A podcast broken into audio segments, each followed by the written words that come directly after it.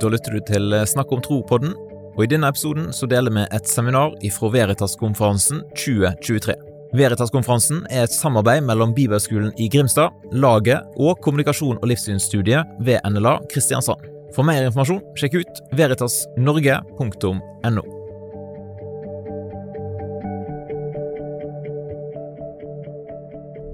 Um, Lewis really matters today. And what I want to do is to talk to you about um, a very important theme we find in the New Testament. And it's what I might loosely call the discipleship of the mind. By that I mean beginning to align our minds with the realities of the gospel and being able to explain these to our culture and capture their imaginations. And you might think of these words of Christ as they're recorded in Matthew's Gospel. You love the Lord your God with all your heart, with all your soul, and with all your mind.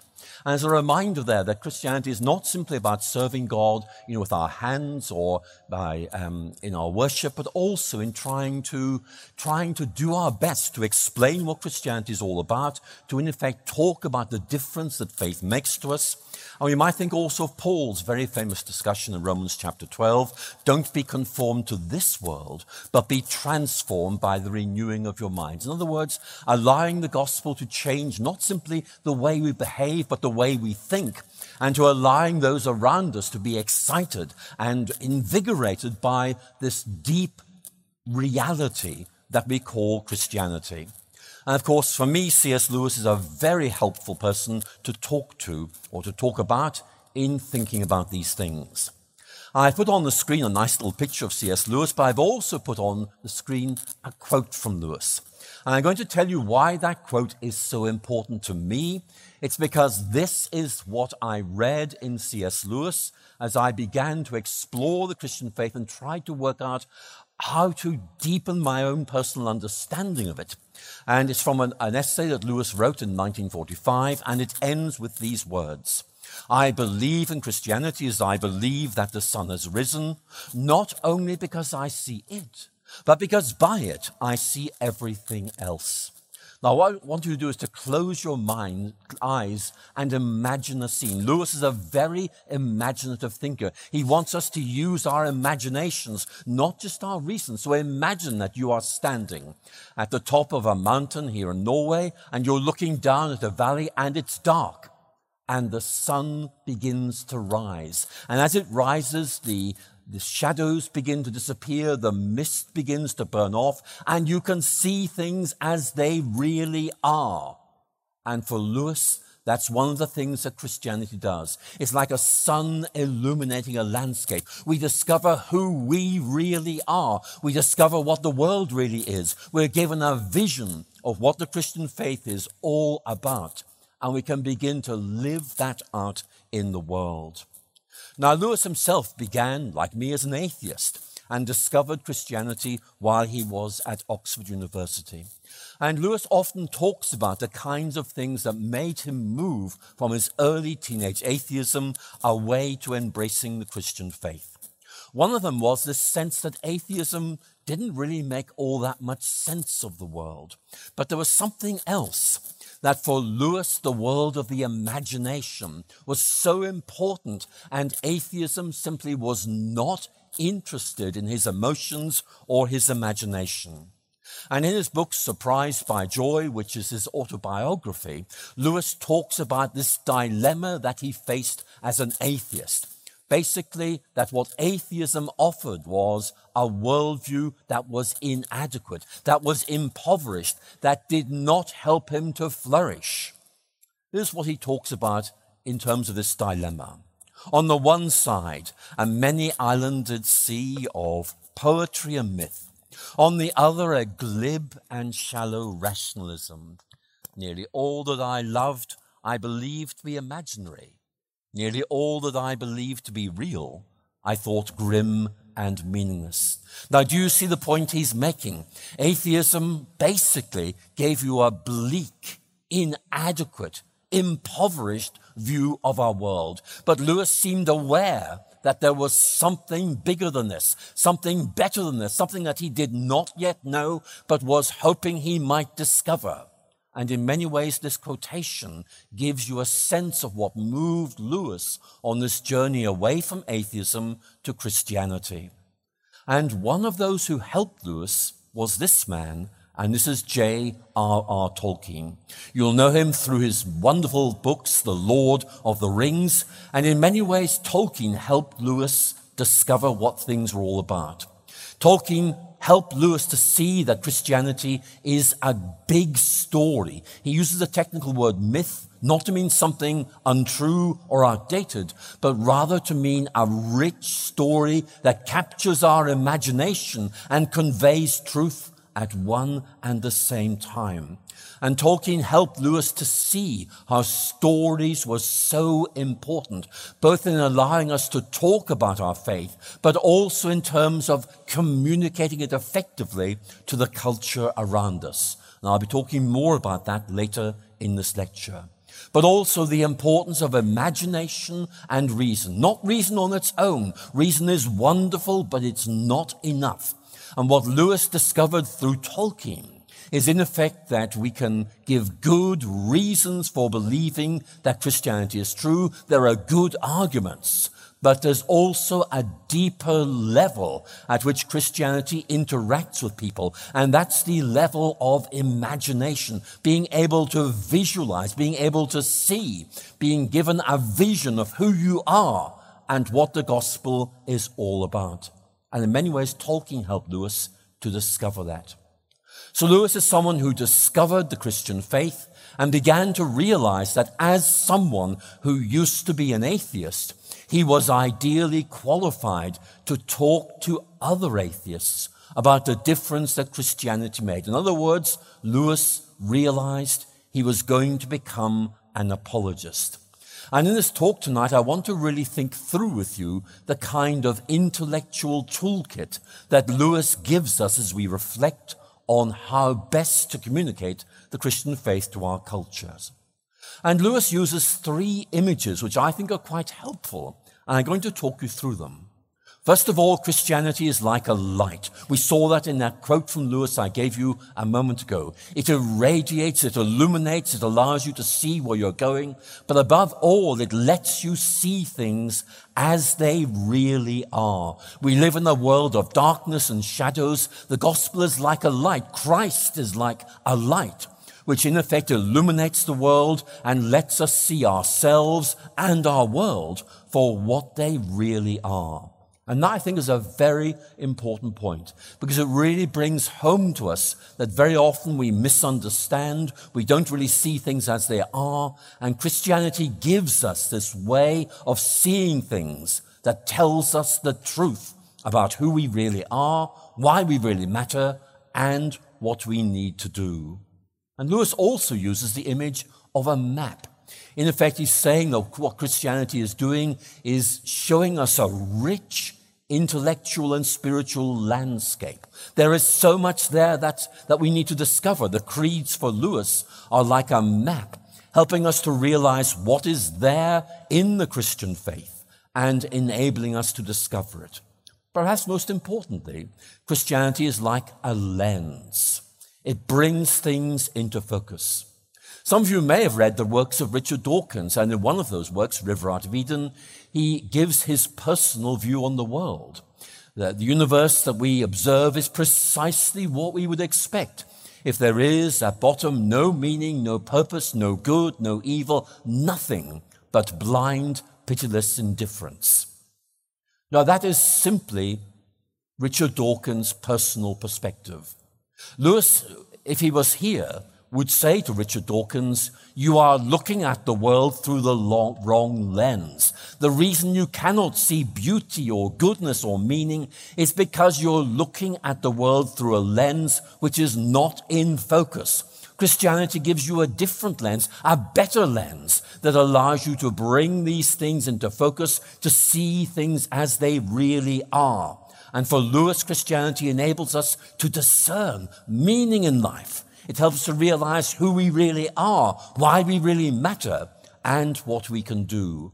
And that's why I think Lewis is such a helpful dialogue partner, such a helpful traveling companion through life, because he enables us to go deeper into our faith and make more sense of things.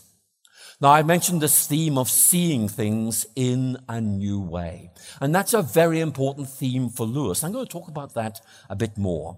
The key point is that Christianity is not simply a set of beliefs. Those are important, those are right, those are true, those are trustworthy. But it's also about Christianity, if you like, enabling us to see other people, ourselves, our world in a new way, in a Christian way. And Lewis basically says it's really important that we're able to see ourselves and the world for what they really are. And a man called Austin Farrer, an Oxford philosopher of religion who knew Lewis very well, once said this, and I think it's very helpful in understanding Lewis, but also in thinking about how we talk about our faith. Lewis makes us, I quote, think we are listening to an argument when in reality we are presented with a vision and it's this vision that carries conviction. And I want to suggest to you there's a helpful way of thinking about our faith. It's about our vision of the way things really are. It's seeing things and being excited by this vision. It helps us to understand, it helps us to speak about our faith. But in the end, what really matters is not so much individual arguments, but rather this vision of reality that the Christian faith makes possible. So, what difference does this make? How does this help us apologetically? Well, I want to talk about the biblical idea of transvaluation. Uh, by that, I simply mean that we rethink how important something is, that we reconceive the importance of people or things or anything. And Christianity is very, very good at doing this. And again, I mentioned that quote from Romans 12 earlier. It's really helpful here. But the key point is that the Christian faith allows us to see things in a new way and in a new light. And we see things as they really are. It's a difficult idea. So I'm going to give you an analogy about a school in England which I discovered when John Lennox and Keith Ward and I were down there doing some filming. And we were told something about this school which was really interesting. This is Canford School in Dorset. You will never have heard of it, don't worry. But the interesting thing about this school is that it used to be an old country house occupied by a British archaeologist called Sir Austen Henry Layard. And the building, um, in effect, after Layard's death, was converted into a school. Layard had no children. The school simply was his country house, changed into a school. And the key point is this that um, there were a lot of things left lying around the school when it was converted. And one of them was an old stone. And nobody was really quite sure what to do with this stone. It was flat. So people used it as a pizza counter in the 1980s. So I'm going to show you a picture of this stone, and I think you can probably guess the way the story is going to develop. There's the stone.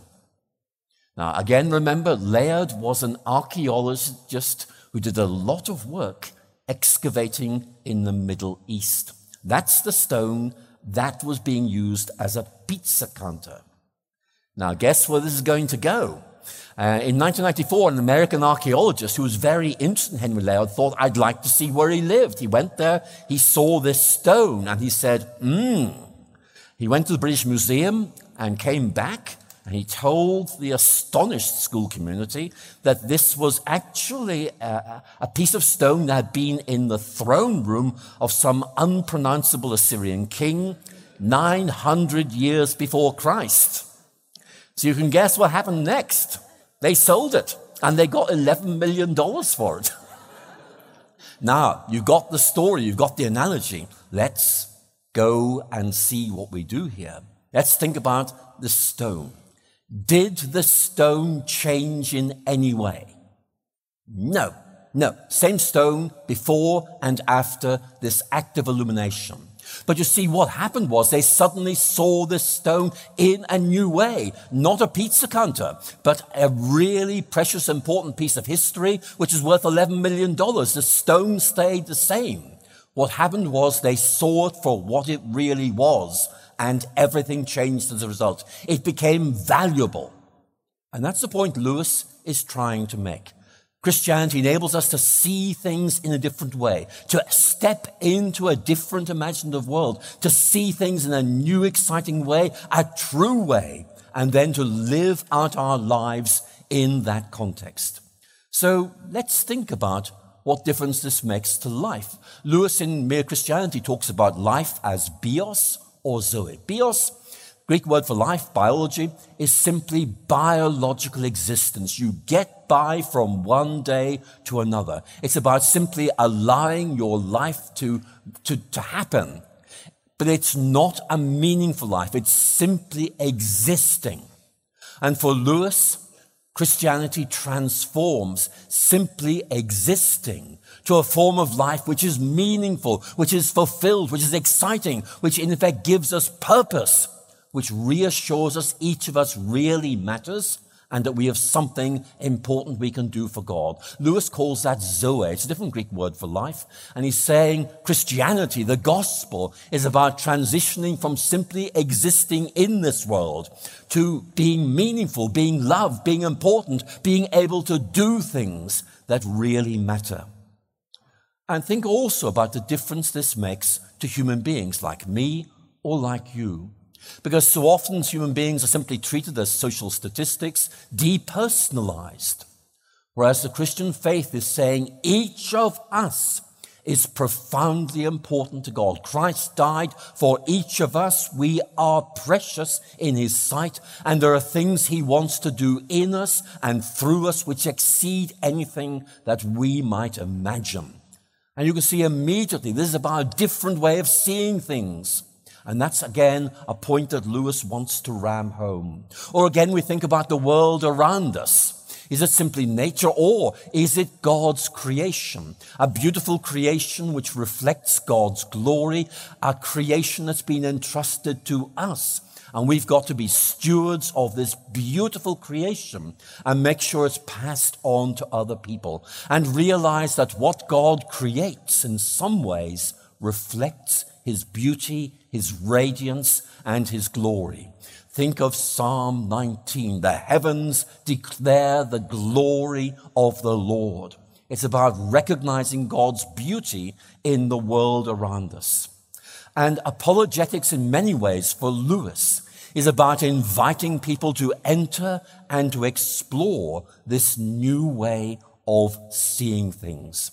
And that to me is really helpful in thinking about apologetics. It's about explaining to people not simply what Christians believe, but, and this is really important, the difference that this makes to us. I think apologetics, in fact, is based on Christian theology, but it's also trying to articulate, to put into everyday words the difference that our faith makes to us.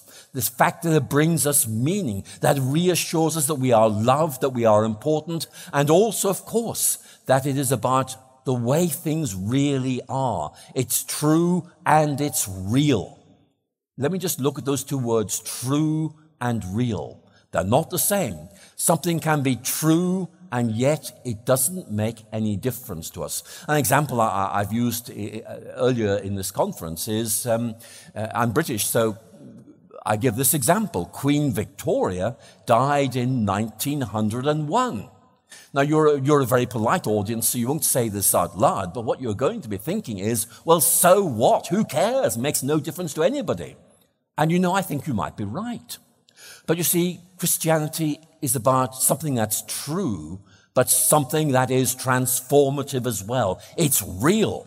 It's about the love of God for each of us, about the transformative grace of God, which takes us even in our weakness and transforms us into someone who can do great things for God. It is real, not just true. We experience God as a living reality who brings hope and joy and meaning to our lives and gets us excited because we want to do good things for this wonderful God who we know as our friend, our savior, and our Lord. So I think there's a richness in what Lewis is saying here. It's not just enough for us to really understand what Christianity is about.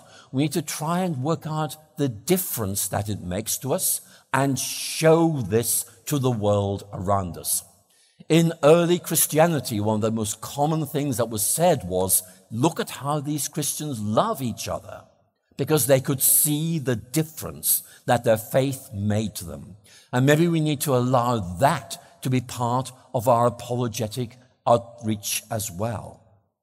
But let me talk now about something that's really important for Lewis and I think is important for us as well. And that is to do with an appeal to the imagination. Now, let me be clear. When I talk about Lewis and the imagination, I am not saying Christianity is invented, that it's something we simply imagine, that it's unreal. No. It's about making sure we connect with this really important human ability to be able to picture things, to be able to be captivated by something that really captures our imagination. And Lewis believed that part of the role of apologetics is to capture our imaginations and through us to capture the imagination of our culture. And Lewis talks about this in a sermon he preached at Oxford back in 1941 called The Weight of Glory. And here's the point he's made that in effect, our secular culture says, what you see is what you get. There is nothing beyond the material. There's nothing beyond the natural. Get used to it. We have to limit ourselves to what the material world offers us and what reason's able to suggest. And Lewis says we need to break this spell. This spell limits us to existence. It stops us coming to full, authentic life. And for Lewis, we need to cast a stronger spell to break free of the influence of this one. And that means being able to tell a better story. That in effect, Christianity gives us a story, a vision of reality, and that breaks the spell of our culture. And you know, sometimes when we're talking about how we might do apologetics, we think about giving good reasons for our faith, and that is wonderful. But you might also say that Christianity sets out this wonderful vision of the world, which we believe to be true and trustworthy, that captures our imagination, and it allows us to see ourselves and everything in a new way, and so to live in a new way that is filled with the joy of the gospel. And I think that's very important. And so did Lewis. And in many ways, that's one of the reasons why he wrote about Narnia. So let me turn to this because this is probably Lewis's best known set of writings in popular culture. And I want to make a number of really important points here. Here are the three points I'm going to talk about. First of all, Lewis realizes that telling stories really matters to human beings. If you think about it, I mean, each of you be able to tell your own story about who you are, where you come from, what became really important for you, what your hopes for the future are, your memories. All these things are in your story. Stories really matter. And Lewis recognized this and said, we need to use stories to talk about the Christian faith.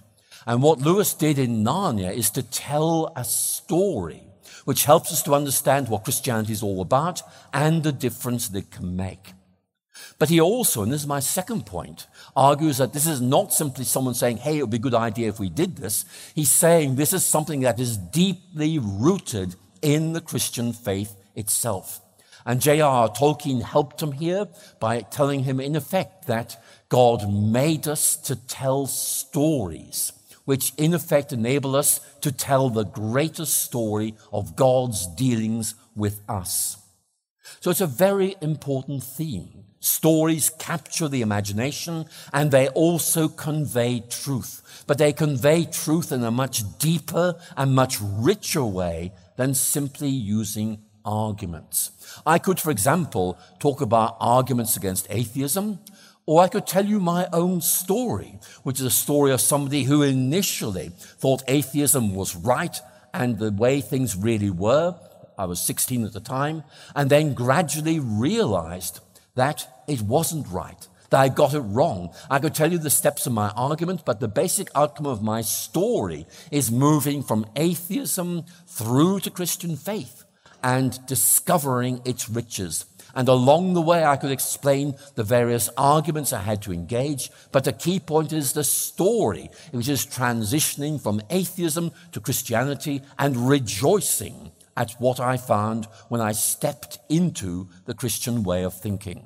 And that brings us to this third point, which is the importance of becoming part of a bigger story. And one of the points that Lewis is trying to make in the Chronicles of Narnia is this. He tells us all about these four children, the Pevensie children, who step into Narnia, and each of them has their own distinct identity. And yet, what happens is each of these children, in their own way, in their different ways, becomes part of the greater story of Narnia. They advance this bigger story and they find they gain meaning and significance as they work to move the story of Narnia ahead. And Lewis wants us to understand something really important here. Each of us has our own story, and that's wonderful. But the Christian story is something we step into. We take it as our story. And the big questions we are asking are how can we help the story of God develop, advance in this world? And each of us finds meaning and significance in doing things for God as we help this story to move ahead. Because we know we're doing something relevant, right, and important. And it really helps us to understand the way in which we are serving God. So Lewis really is helping us to understand why stories are so important and what each of us can do, and each of us will do this in our own distinct way, is to explain how we understand this Christian story, how it brings meaning and significance to our lives, and also the difference it makes in terms of what we try and do for God in this world. So Lewis, I think, is giving us a rich way of thinking here about how we can understand our own stories and the way in which we put these at God's service in the gospel. And for Lewis, really, Narnia is retelling the Christian story in a way that will communicate with our secular culture and enable people to grasp something of what Christianity is all about and thus to understand it better. But it's not simply about doing apologetics. Lewis also wants to help Christians go deeper into their faith. So remember, apologetics faces two ways. It faces looking society. How can we explain what Christianity is all about? How can we show you this makes sense? How can we show you this is a better way?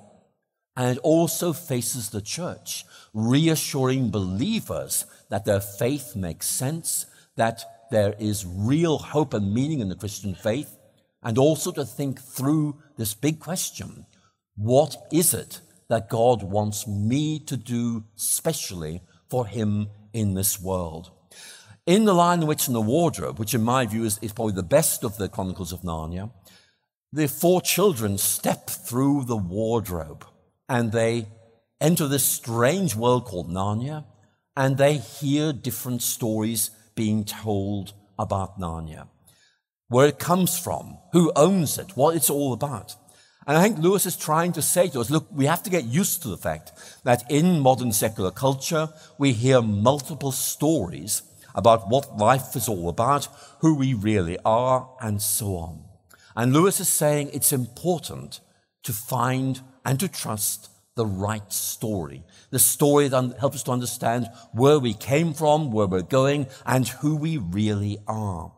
And the key question for Lewis is which story is to be trusted?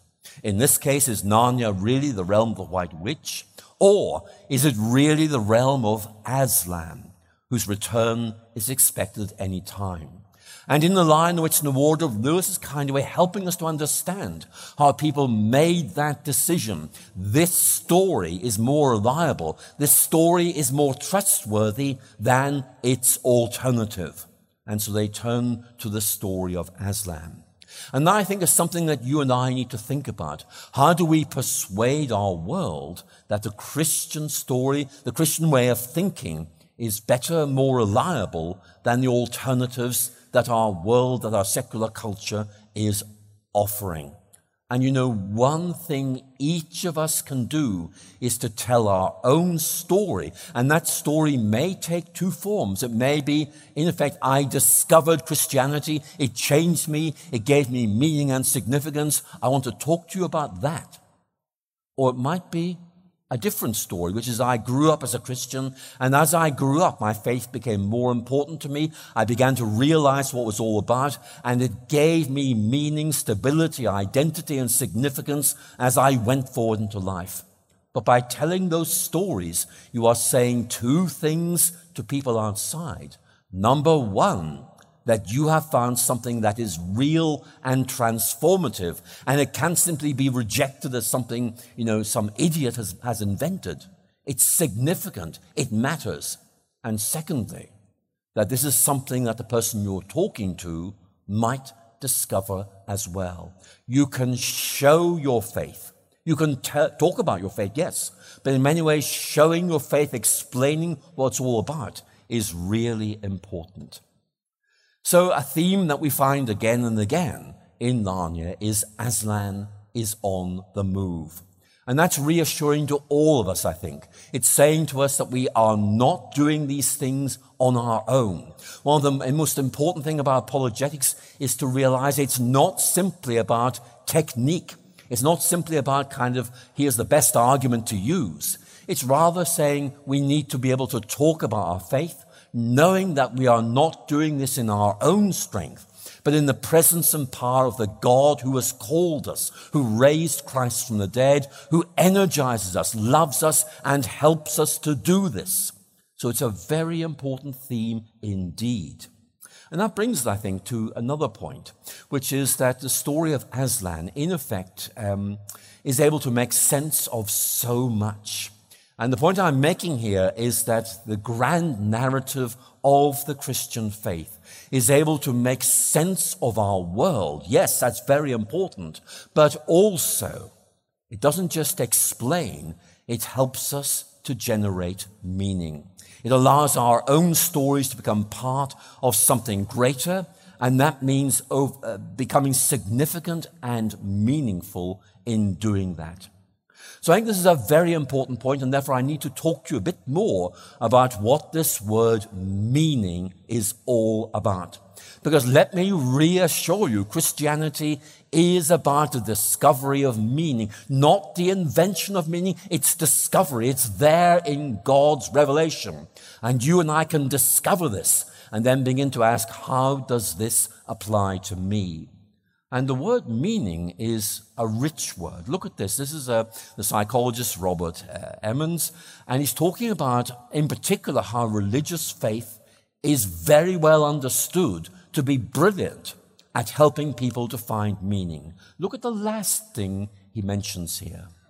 It helps individuals to transcend their own concerns or experience and connect up with something greater, to connect up with something greater. Because that's something Christianity does very well, and Lewis brings this out. It allows us to see that there's a bigger picture, that you and I are part of that picture.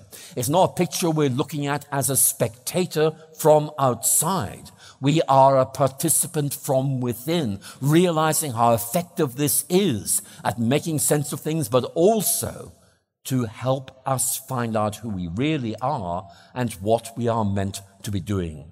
And for me, that's a really important point. This is a paper published by um, Login George and Crystal Park. It's a very influential psychological paper, but it's talking about what is this idea of meaning all about. And they say there are three core themes here comprehension, purpose, and mattering. This, this is just an empirical investigation of this idea. What I'm saying to you is Christianity is brilliant at helping us to discover meaning, meaning in life, meaning in our individual lives. It's about comprehension. That means making sense of the world around us. That going back to Lewis, it's about that wonderful quote I opened with about a sun illuminating the world so we can see it with a clarity and a sharpness which otherwise we would not be able to do. It helps us to realize that even though from time to time we can't fully understand this, there is something there that is meaningful, that behind the plurality of our experiences, there is a single unity which stands out and gives identity and significance. But it's also about purpose. Now that's really important. I need to emphasize this. For Lewis, each of the children in Narnia realizes they have a purpose. Lewis isn't inventing this idea. It's integral to the Christian faith, and I want to reassure you how important this is and invite you to think about this. What is it that God wants you to do?